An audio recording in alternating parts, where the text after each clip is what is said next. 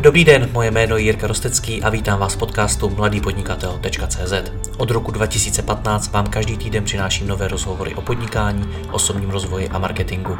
Všechny najdete nejen zde jako audio, ale i jako video na webu www.mladýpodnikatel.cz. Pokračovat v mé tvorbě mohu i díky partnerům. Mezi ně patří i moje oblíbená audiotéka, na které najdete spoustu audioknih s tipy pro vaše podnikání, ale i pro váš marketing a osobní rozvoj. Stačí kouknout na audioteka.cz nebo si stáhnout aplikaci do mobilu. Děkuji vám za váš čas a neváhejte mi napsat na jiry.cz případně na Facebooku. Užijte si poslech. Dobrý den, v tomto rozhovoru si budeme povídat o blogování. To mnozí považují za mrtvé, přesto vznikají stále nové blogy a lidé je rádi čtou. Kreativní ředitel agentury Social Sharks Daniel Krásný se blogování věnuje už přes 15 let. Začínal na jednoduchých blogovacích platformách a dnes jeho články můžete číst na blogu vnímatkrásnu.cz. O své zkušenosti z blogování se s námi podělí v tomhle rozhovoru. Dane, já tě vítám, ahoj. Ahoj, děkuji za pozvání a za výběr tématu. Já jsem zjistil, že si se mnou nikdy nikdo nepovídal o blogování, jo, takže jsi vlastně úplně první, s kým si o tom můžu popovídat. A někde jsem čet, ještě dneska, že, než, než začneme, že blogeři prý neumí mluvit. Takže předem omlouvám za sníženou kvalitu tohoto rozhovoru, protože asi možná potvrdím pravidlo. A proč, prosím tě, neumí blogeři mluvit? Protože si vybrali jako svoji platformu, kde se chtějí vyjádřit text. A to má třeba i nějaký důvod že nepřešli v období v podstatě popularity YouTube třeba na ten YouTube, nebo uh, také nemusí být třeba zrovna hezcí, takže se nemusí jako zobrazit třeba na kameře nebo na Instagramu, takže stále zůstali na té platformě toho textu, kde si můžou dát tu svoji ilustrační fotku z dob, kdy ještě vypadají dobře. No ale když jsme u toho, tak mi řekni za těch 15 let, jak se jak, jak se vlastně blogování změnilo právě i vstupem všech těch dalších vymožeností? Přišlo, přišly sociální sítě, přišlo, rozmohlo se to video ala YouTube, teď jsme v době, kdy vznikají neustále nové podcasty. Projevilo se to teda nějakým způsobem na tom blogování, nebo z toho, co popisuješ, tak v podstatě logicky vyplývá, že by nemělo? Já si pamatuju největší odliv, alespoň teda subjektivně, a ten byl s příchodem Twitteru. Twitter, když začal být populární v České republice, tak najednou ty blogeři, a tenkrát se psali blogy opravdu každý den, to byl opravdu jako deníček toho člověka, stejně jako já jsem si psal takový deníček, který podle mě četli jenom moji rodiče a pár známých, kteří se mi potom smáli ve škole. Uh, tak přišel ten, ten mikroblogging a řada lidí prostě zjistila, že nepotřebuje k tomu celý odstavec, aby se vyjádřila, ale že jí hmm. úplně stačí v podstatě těch uh, pár znaků a ten odliv tenkrát z těch deníčkových blogů byl docela veliký. No a teďka prostě s příchodem Instagramu určitě se, určitě nastal odliv uh, především jako různých fashion blogerek a, a tak dál, uh, kdy třeba no řekněme food blogging se dá taky už v podstatě vecpat jenom do toho Instagramového kopíčka. Uh, ale nevím, to není úplně moje sociální bublina, takže jako v mojí bublině, řekněme, nějakých uh, psaní o marketingu, uh, kultuře a tak dále, tak tam ten odliv je takový poměrně přirozený, respektive ne každý ho to baví, prostě 15 let furt něco psát, ale nějaký extrémní odliv ve svojí bublině úplně nezaznamenávám. A jak tu tvoji bublinu ovlivnily ty podcasty, protože mně přijde, přiznávám, nemám to podložený daty, je to spíš takový můj dojem, že právě podcasty se jako první začaly objevovat v těch, těch řekněme, jakoby odbornějších sférách a že všechny ty, ty fashion a takový ty lifestyleový podcasty, že to vzniká až teďko, ale že třeba konec konců jenom já prostě o biznesu tady podcast dělám nějakých pět let a tyhle ty všechny vznikají v posledním, dejme tomu roce, maximálně dvou. Tak jak se to projevilo tohleto na tom tvým oboru marketingu, kreativity a tak? Myslím si, že aktuálně, eh, pokud budeme počítat takový ten hype index, já nevím, kdo tu křivku vymyslel, ale určitě ji taky znáš, tak jsme teďka někde na vrcholu takového toho hypeu, lidi to zkoušejí, zjišťují, že vlastně třeba ani tu poslechovost nemají až tak dobrou a trošku se to zase ustálí. Ty lidi, třeba jako ty, který ten e, podcast používali už řadu let, tak ho budete používat dál, ale myslím si, že ta bublina poměrně brzo, brzo splaskne. Jako kdyby nám někdo před třema lety řekl, že v roce 2020 bude největším trendem audio, což jako byl vždycky ten mezi audio, video, text, to, co už patřilo do první republiky a rozhlas, kdo poslouchá rádio, tak kdyby nám tohle někdo řekl, tak bychom mu těžko... Mluvené slovo. Mluvené slovo. tak je to určitě zajímavý sledovat, ale aby samozřejmě taky, taky je tam ta určitá blogerská výhoda, nejsem u toho vidět, jo, nemusím se, jako pro tebe jsem se teďka učesal, a což jako doma teď moc nedělám, ale na tom podcastu v podstatě stačí jenom, eh, jenom můj hlas, což je určitá taky limitace, protože ne každý ho úplně rád poslouchá a přece jenom za tím textem se toho schová víc. Myslím si, že to je bublina, která splaskne, eh, pár lidí přežije, Myslím si, že ještě potřebujeme, aby do toho vstoupila nějaká pořádná celebrita, ne v podstatě jenom v úvozovkách blogeři a blogerky. Docela zajímavě to dělá Lukáš Hejlík se svojí gastromapou, kde přece jenom ten rozhovor, on jak je herec, tak to už má určitou štábní kulturu, ale nějaká pořádná celebrita, aby si toho všimli i lidi mimo náš, mimo naší nějakou bublinu, tak je zapotřebí. Myslím si, že ne. No, tohle počáteční nadšení, o kterém ty mluvíš, tak to já vidím nejenom u těch podcastů, ale třeba i u těch blogů. Hmm. Co podle tebe rozhodne o tom, jestli to ten blog přežije, jestli to ten člověk zvládne, protože můj dojem je takový, že většina lidí založí blog, ale dejme tomu za pár měsíců už je ten blog stejně mrtvý a dál ho nerozvíjí. Tak co podle tvý zkušenosti rozhodne o těch blozích, který přežijou a který ne? Je to vždycky jen o tom autorovi. Já jsem taky založil řadu blogů v minulosti, kdy jsem si říkal, jo, super, každý týden prostě napíšu článek o českých televizních seriálech, plácám. Člověk, když si stanoví takovouhle rutinu a řekne si opravdu každou sobotu k tomu musím sednout a něco napsat, jako to brzo omrzí. Už vzhledem k tomu, že kor ze začátku prostě to vůbec nikdo nečte kor pokud, pokud člověk není už jako sám o sobě trochu slavný v internetových kruzích nebo slavný třeba z minulosti, z nějakého vlastního obsahu, tak prostě ze začátku těch lidí je strašně málo. Třeba v případě nějakých, řekněme, recenzí a tak dále, tak tam je potenciál, že si to lidi postupně budou vyhledávat, nebo například skrze ČSFD, přes externí recenze a tak dále, že se k tomu nějakým způsobem dostanou, ale určitě to nebude hned.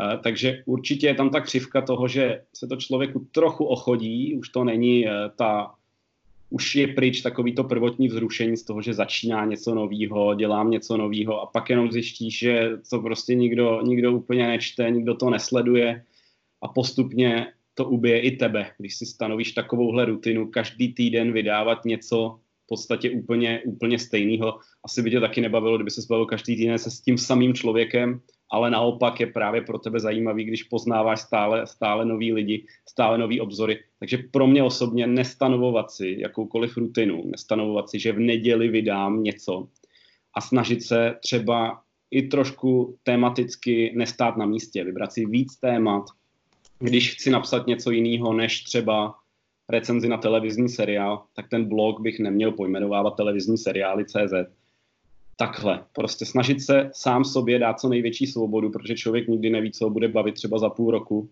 A to si myslím, že je i kamenem úrazu řady, řady blogů, že to prostě chcípne za tři měsíce rutiny, kterou si ten hmm. člověk sám udělá. Tady, tady jdeš v podstatě proti takým těm doporučením právě lpět na té rutině, mít nějakou pravidelnost, držet se konkrétního tématu, mít jasný konkrétní název. To je to všechno, jsou teda podle tebe špatné rady? já si myslím, že to bude záviset člověk od člověka. Jo? Že uh, někdo je mnohem disciplinovanější třeba než já a já prostě, mě, mě baví každý týden trošku něco jiného, takže já když si chci napsat, teď jsem si začal psát o hokeji, jo, který jsem hrál prostě, když jsem, když jsem byl v pubertě a na ten blok to v podstatě víceméně patří. Já jsem si uh, ten blok pojmenoval, že je to blok o věcech, které mi připadají krásný, je jako trošku v souladu s mým jménem, ale vlastně se do toho schová úplně, úplně všechno. Člověk je v podstatě svázán rutinou celý svůj život. Ráno chodí do práce, dělá v té práci víceméně to samý, i když třeba změní práci, tak ve směs je pořád v tom stejném oboru. Ten blok by podle mě pro něj neměl být další rutinou, další nějakou povinností a měl by si na něm právě odpočinout. Já až od té doby, co jsem začal dělat tohle, tak u toho blogu skutečně jakoby odpočívám. Píšu si, o čem chci, o čem si zamanu, když tak přidám novou rubriku, novou záložku a je to pro mě vlastně určitý druh relaxu a od té doby mě to baví a od té doby to konec konců čtou i docela lidi. To mě právě zajímá, co se změnilo, když jsi k tomu začal přistupovat takhle. Projevilo se to na něčem? Uh, na tom blogu v mém případě jsou prostě články, o kterým vím, že budou fungovat trochu líp než ostatní. Například články o seriálech, popkultuře, tak i díky tomu, že nějakých třeba 15 let píšu pro časopis Score, tak mám kolem sebe nějakou komunitu lidí, kteří si to přečtou a díky i nějakému marketingovému know-how celkem vím nastavit uh, alespoň základní SEO, takže uh, když uh, udělám žebříček nejlepších seriálů pro rok 2019, tak vím, že si to prostě lidem zobrazí, že jim to třeba i Google nabídne, protože skutečně tohle jako v současné době hledali. Ale například mým eh, objektem zájmu je kreativita, jako kreativní ředitel Social Sharks mě tohle baví, eh, snažím se takhle inspirovat třeba svoje kolegy a ty články mají třeba nižší, nižší návštěvnost, ale na druhou stranu si myslím, že odpovídají tomu, jak moc velký hlad po těch článcích je, že zatímco seriály sleduje každý, tak v hmm. podstatě v kreativě nepracuje tolik lidí a ty si ten článek najdou, ty to třeba nějakým způsobem uh, může inspirovat. Takže uh, já možná navážu, že já jsem uh, u tebe slyšel Dana Dočekala, už je to nějakou dobu a ano. právě jsme se taky bavili o blozích. A tento podle mě, a teď ho budu jako krutě parafrázovat a možná mu vkládat slova do úst, což mě když tak přeruš, on to má trošku na, vlastně úplně naopak, že právě se snaží, aby na tom blogu byla co nejvyšší návštěvnost, vytváří třeba články podle toho, co by lidi mohli vyhledávat a tak dál. Dělá to v mých očích trošku víc strojově, tak jak by mě to třeba jako stoprocentně nebavilo. A jako vůbec nic proti tomu, protože je v tom určitě i nějaký třeba monetizační faktor, ale pro mě je to vyloženě jenom taková volná zábava, uh, kterou mám vedle práce, vedle, vedle svých koníčků a ve který prostě se můžu realizovat ve všech svých zájmech, který mám. Hmm. Proč se omezovat? Jak tam vodíš ty lidi? Jak získáváš nový čtenáře? Jak získávám nový čtenáře? Docela dobře začalo fakt fungovat jako organický vyhledávání, protože relativně dobře si to umím nastavit, alespoň, alespoň v základech, i když nemám žádnou, řekněme, placenou službu na SEO. Sem tam si zaplatím drobnou reklamu na Facebooku nebo na Instagramu, ale to je třeba v rámci korun. Zatím nejsem v takových, jak v, takových, v takovém období, že by mi stálo za to tam dát třeba tisíci korun. To vlastně se mi ani nechce, ale třeba ten článek podpořím 100 korunou a zkusím si opravdu zamířit ty lidi, který by to mohlo zajímat. Samozřejmě to dávám na své sociální sítě, nejsem žádná prostě insta hvězda, takže pár lidí eh, se chytne z mých přátel a známých a to mi v podstatě, v podstatě stačí. Určitě by bylo fajn, kdyby to zazdílel Leoš Mareš, ale mm, zatím se mi nepoštěstilo, no.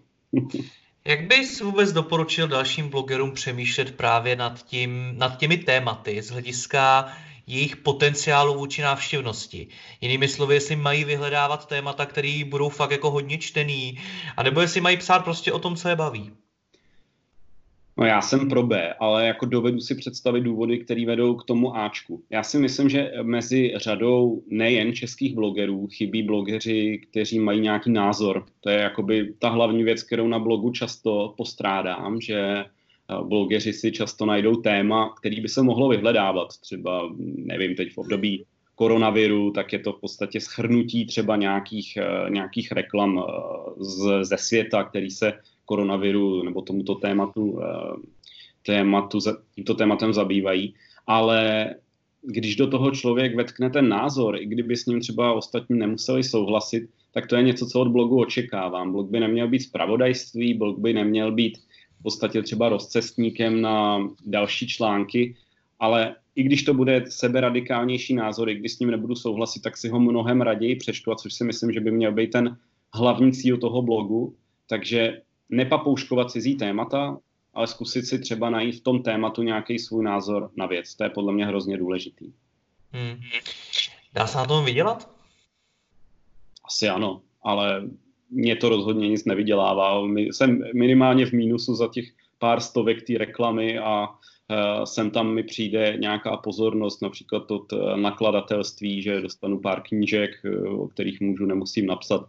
Takže to je taková jako drobné influencerství, ale jako výdělek, výdělek si myslím, že že v mém případě nehrozí, ani po něm netoužím. Každopádně jsou samozřejmě blogy, který ambici, někdo si představuje, nebo i tu úspěšnost podmiňuje tomu, že si třeba um, jeho blog vyjde knižně, uh, že dostane magnezii literu a tak dále. Myslím si, že řada lidí z blogové sféry se stala poměrně díky blogování a slavnou třeba herečka Marie Doležalová, tak jako jasně byla herečka i před svým blogem, ale ten blog jí právě docela, docela získal tu popularitu a teď už v podstatě se bez něj obejde, že už dělá řadu aktivit bez toho, aniž by ten blog musela psát. Takže ano, ale nevím, jestli přímo v té marketingové sféře. Myslím si, že to určitým způsobem ale může pomáhat, eh, pomáhat firmě, ve které člověk pracuje, celkem jsem si, celkem jsem si zvykl, že řada lidí právě v tom, eh, v mém případě marketingovém rybníčku se třeba odkáže, že ten blog zná a tak dále. Pár lidí mě kontaktovalo s nabídkou nějaké práce prostřednictvím toho, že četli můj blog eh, a tak dále. Takže ono to do jisté míry nějaký výdělek generuje, ale není to takový ten výdělek do kapsy, ale třeba nějaký profesní úspěch. Co vůbec vytvoří ten rozdíl mezi tím autorem, který se hodně proslaví a autorem, který tolik ne, ale taky píše dobře, taky má super články, má super nápady, názory a tak dál. Co vytvoříte ten rozdíl? Ty jo, těžká otázka. Jo, protože ty, ty jsi teď eh, třeba zmínil Marii a jako spousta takových autorů, kteří se dokázali díky blogu, jak jsi sám řekl, proslavit. A mě vlastně zajímá, co teda udělali jinak. Jestli vedle toho psaní investovali do nějakého self-proma, nebo jestli jestli je zatím něco jiného, nějaká jiná strategie. Protože většina autorů není známá. Přiznám se, musel bych si vymýšlet, nevím. Já až jako nejsem až takový odborník na českou blogovou sféru, opravdu se zabývám třeba jen těmi marketingovými blogy, kde řekněme nějaká jako mega známost eh, si myslím, že není, nebo která by opouštěla třeba naší nějakou eh, sociální nebo zájmovou bublinu. A ta Marie je pro mě jako příklad eh, blogu, který jsem třeba já s chutí četl, ačkoliv prostě herectví a obecně uh, chození na castingy a všechny věci, o kterých Marie psala, jsou mi poměrně vzdálený a obvykle mě moc nezajímají, ale psala to tak po svým, uh, s takovou formou vlastního názoru, vlastního vyjádření, uh, že to za to stálo. Ona prostě umí psát, umí psát bez balastu, umí krátit věty, nebyly to prostě zdlouhavý články a to si myslím, že je ten akt, uh, absolutní základ, aby, ta, aby ten sloh v podstatě pozbýval tu vatu a abych se třeba k tomu meritu věci, k té pointě, která je taky mhm. hrozně důležitá, kterou tam ta Marie v těch svých povídkách, v těch blogových příspěvcích měla, aby se k ní vůbec člověk jako stačil prokousat, protože dnešní doba je nesmírně turbulentní, takže články spíše, spíše krátit, než je, než je prodlužovat. Ale nevím, nevím. Já když se bavím s někým o tom, že by taky mohl psát blog a že by mu to třeba pomohlo v jeho profesi, tak velmi často řekne, hele, já neumím psát. A ty tady teď popisuješ to, jak třeba Marie píše svoje články, tak jak moc musí umět člověk psát na to, aby mohl psát blog? Je tam potřeba opravdu nějaký jako velký spisovatelský umění? Spisovatelský umění ne, ale um, nemusí být člověk úplně spisovatel, ale je zatím řada faktorů, který vlastně jsou potřeba, nebo který bych uh, rozhodně doporučil člověku, který si uh, chce začít psát blog. To je samotný fakt, že by měl být aspoň trošku vypsaný, než se do toho, než se do toho pustí. Opravdu jakoby ty, ty začátky, kdy jsem ve 13-14 psal na platformu blogu je CZ, canci, který bych jako zpětně nechtěl číst, který nejsou naštěstí nikde zachovaný, doufám, tak doufám, že nikdo nebude ladit web archiv. Uh, tak, um, tak mi hrozně pomohly. A vlastně mi pomohly nejen v tom psaní do toho časopisu, protože to jsou prostě hektolitry článků, který člověk vygeneroval, ale samozřejmě i profesně do nějakého prostě copywritingu a tak dál. Myslím si, že neznám moc lidí, kteří by výborně psali bez toho, aniž by hodně četli. A tím nemyslím ani eh, čtení, který um, nějak, do, nějak doporučuje, jak správně psát a tak dále, ale úplně normální prostě beletry, poezii, pohádky, co člověka baví. Protože když má člověk trochu nakoukáno ten text, když hodně čte, tak pozná v úvozovkách šit. Pozná, kdy v podstatě je ten text špatný, kdy něco vyhodit, čte si ho vlastně i v sobě, když ho potom po sobě čte a dokáže tu melodii toho textu, t, a teď mě určitě nějaký jako znalci eh, textařiny jako zabijou za nějaký výrazy, tak ji jako lépe, lépe poznat v podstatě i to, jak ten článek teče v rámci toho, jak je napsaný. Uh, já na svém blogu strašně krátím věty. Občas mi jako někdo napíše, to se vůbec nedá číst, ty neděláš žádný souvětí, že jo? to jsou v podstatě všechno jednoduché věty. Mě to také baví číst. Uh, mám takové oblíbeného autora jednoho, který opravdu píše hodně krátké věty a píše to dobře, mně se to také líbí a když to čtu v sobě, tak prostě mi to takhle dobře, dobře zní. Dobrá, dobrá inspirace je třeba Cormac McCarthy, který ve svých knížkách nemá uvozovky. Jo, když čte člověk první knížku od Cormaca McCarthyho, tak si řekne, sakra, tam je spousta dialogů a nejsou tam úvozovky, vypadá strašně divně, ale pak, když se do toho člověk začte, tak zjistí, že ten styl je, styl je jedinečný a třeba by byl Cormac McCarthy dobrý bloger, to těžko říct. Je zajímavý ale, že když na tom blogu píšeš krátké věty a neděláš souvětí, tak když mluvíš, tak ty souvětí děláš. Kdyby hmm. to přepsali, tak by to byly jako poměrně dlouhé věty. Já, já jsem si vždycky no, myslel... No, já, možná by to bylo jedno dlouhý souvětí, to je možná pravda. Já jsem si vždycky myslel, že existuje určitá schoda mezi tím, jak člověk mluví, nebo jak ten bloger mluví a jak píše. U tebe to neplatí? Asi ne. Já jako myslím si, že v tom blogování mám určitou pózu. Že to je nějaký styl, který mě baví psát, třeba ty kratší věty, uh, nebo hodně entrovat a to už si jako držím, ale jako kdybych měl mluvit samý krátký věty v, v takhle mluveném projevu, tak bych vypadal jako dement. To je jako... to, to možná ano. Jak se vůbec vyplatí nad tím stylem přemýšlet? Je to, protože jako vymyslet si vlastní styl není jednoduchý. Hmm. A taky můžeš vymyslet úplnou blbost, že jo, hmm. která se lidem vůbec nebude líbit. Jestli to není pro začátečníka až příliš vysoká bariéra pro ten vstup do toho blogování to asi je, jak bych si přečetl články a to je prostě kdokoliv, kdo píše, kdo si přečte články pět let starý, tak se mu prostě nelíbí. Jo, to je jako, když si budeš eh, sám poslouchat třeba rozhovory, který si dělal před pěti lety, jak si říkáš, sakra, to bych se zeptal. To radši nedělám. Tak to je úplně jakoby ten stejný, stejný příklad, uh, takže člověk se k tomu propracuje. Určitě by neměl psát svůj první blogový článek, že si řekne, a budu psát dlouhý souvětí a budu dělat hodně teček, já nevím, cokoliv, uh, tak by to tak nemělo být. Já jsem měl takovou ještě takovou jednu finesu, že jsem psal nespisovně. Jo, a schválně jsem psal takovou jako praštinou, aby to mělo asi určitý punkový efekt, aby to nebylo takový jako svázaný takovou tou klasickou uh, firemní nebo štábní, firemní štábní kulturou, spíš to byl takový hodně jako osobní blok. A tenkrát jsem napsal článek, který se týkal prezidentských voleb. Bylo to něco o ještě souboji Drahoš, Zeman, Horáček, nějak jsem hodnotil jejich, jejich prezenci na sociálních sítích a psal jsem tam právě takhle nespisovně. A ten eh, blog se i díky tomu tématu dostal jako mezi lidi, kteří obvykle ten blog nepsali. A dostával jsem ne hejty za to, že jsem psal, že Drahoš nevyhraje volby, co jsem tenkrát predikoval, ale za to, jak je to napsaný. Jo. Takže já jsem dostával řadu prostě takovýchhle, takovýchhle injektiv za to, že uh, píšu jako debil. A od té doby jsem si říkal, sakra, už mám nějaký jako léta, tak bych možná jako nemusel psát jako puberták. Takže aspoň to se třeba trochu změnilo. A člověk, když s něčím začne, tak se to prostě postupně vyvíjí, uh, stejně jako s tou mojí nespisovností.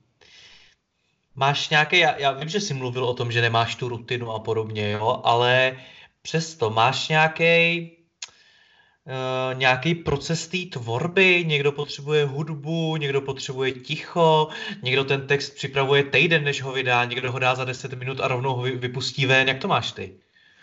Myslím si, že bloger musí být trochu grafoman, aby se s tím fakt jako nefrcal tři týdny, protože pak ho to spíš obtěžuje, než aby uh, to měl hotový hned. Já jsem takový něco mezi.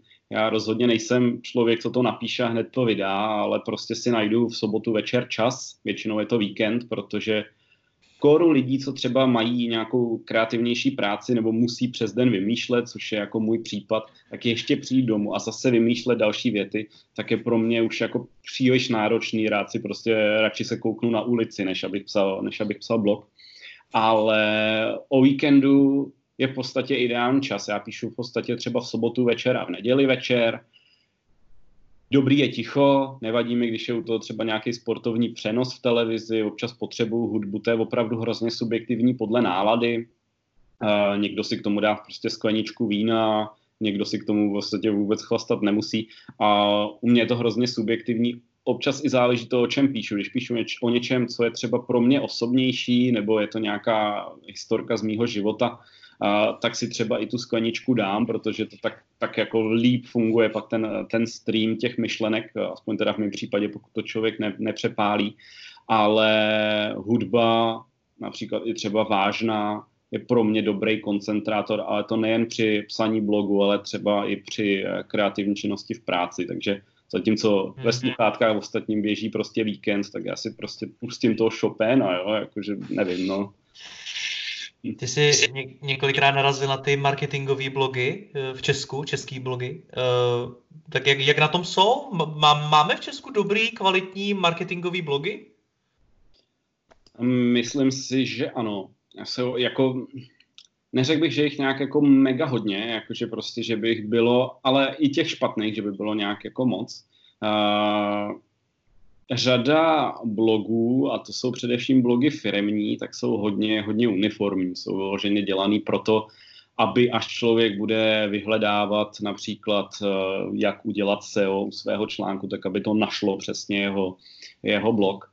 Uh, o to, o to spíš mám radši, radši ty blogy, který eh, trošku ten, ten názor mají. Vím, že tady měl třeba Dianu Zadákovou, což si myslím, že je talentovaná mladá blogerka, takže to je jako fajn se dívat na to, že i člověk, který je o pár let mladší, tak prostě dokáže, dokáže takhle si pěkně budovat svůj, svůj osobní brand. A myslím si, že v tom je i určitá právě vůle si ten osobní brand budovat. Ne každý, prostě i když třeba to know-how má, i když by byl schopný napsat ten, eh, ten článek, Eh, tak si ten svůj osobní brand chce třeba budovat, chce vytvářet uh, nějaký obsah pod svým jménem a tak dále. To jsou zvlášť třeba i lidi, kteří pracují v marketingu a denodenně se zabývají tím, jak má nějaká značka mluvit, tak potom se jim třeba úplně nechce, nechce budovat ještě tu svoji značku ve volném čase. Ale je to třeba škoda, protože řadu lidí bych si rád poslechl, případně, případně mhm. přečetl. Myslím si, že tam je pořád potenciál, aby těch blogů bylo víc. Tak zkus dát nějaký tipy na český blogy. Pojďme na ty odbornější, biznisovo, marketingovo, kreativní, když to takhle řeknu. Který by si zmínil, který jsou dobrý? To si mě zaskočil, protože uh, teď se mi nechce nikoho zmínit, aniž bych někoho jiného nezmínil, protože to nemám připravený, takže bych určitě, uh, určitě mohl někoho vynechat. Tak já ti to omezím, já ti to omezím, a když tak můžeš, můžeš své na to, řekni jich pět, ale. Pět je, to je super počet. Myslím si, že mě napadá aktuálně tak tři. Uh, Dianu jsem zmínil, uh, se čte velmi dobře, myslím si, že tam je i vidět ten progres v jejich článcích.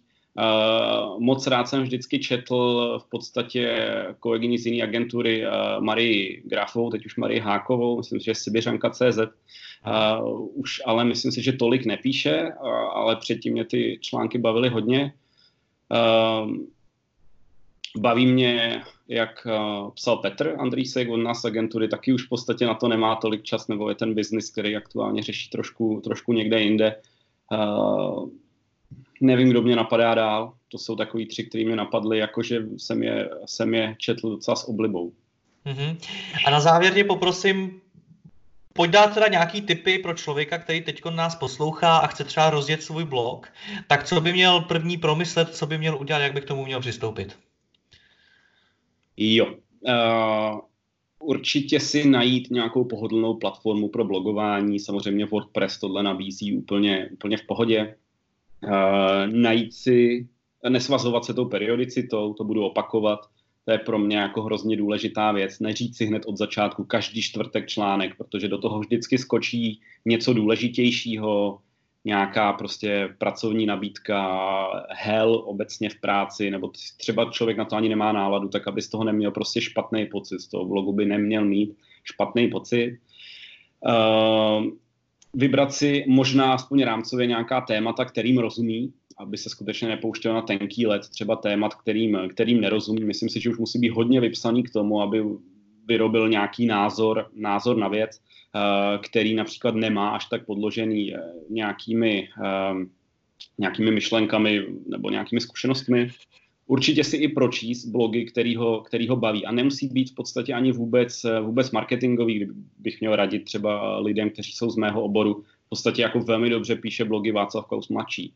Jakoby ten blog, který si píše na novinkách, ať je o čemkoliv, tak on, ten, on, to, on to flow má, jo? takže v podstatě i třeba se inspirovat lidmi, kteří píšou úplně o něčem jiném, akci o nich třeba myslím, eh, nebo s nimi nesouhlasím třeba v rámci, v rámci politiky, uh, tak se inspirovat tím, jak píšou, jak lámou text a rozhodně neskončit jen tím, že ten článek vydám a že si myslím, že si to ty lidi někde najdou. Oni si to možná jednou někde najdou, ale alespoň si to dá třeba na svoje sociální sítě, třeba to ze začátku podpořit reklamou, nějaký článek, kterému věřím a tak dál. Těch rad by bylo asi víc. Já jsem o tom i vlastně napsal článek na svém blogu, který se jmenuje Proč blogovat. Myslím si, že ho lidi na vnímat krásu CZ najdou ještě na hlavní stránce, kde těch typů je víc.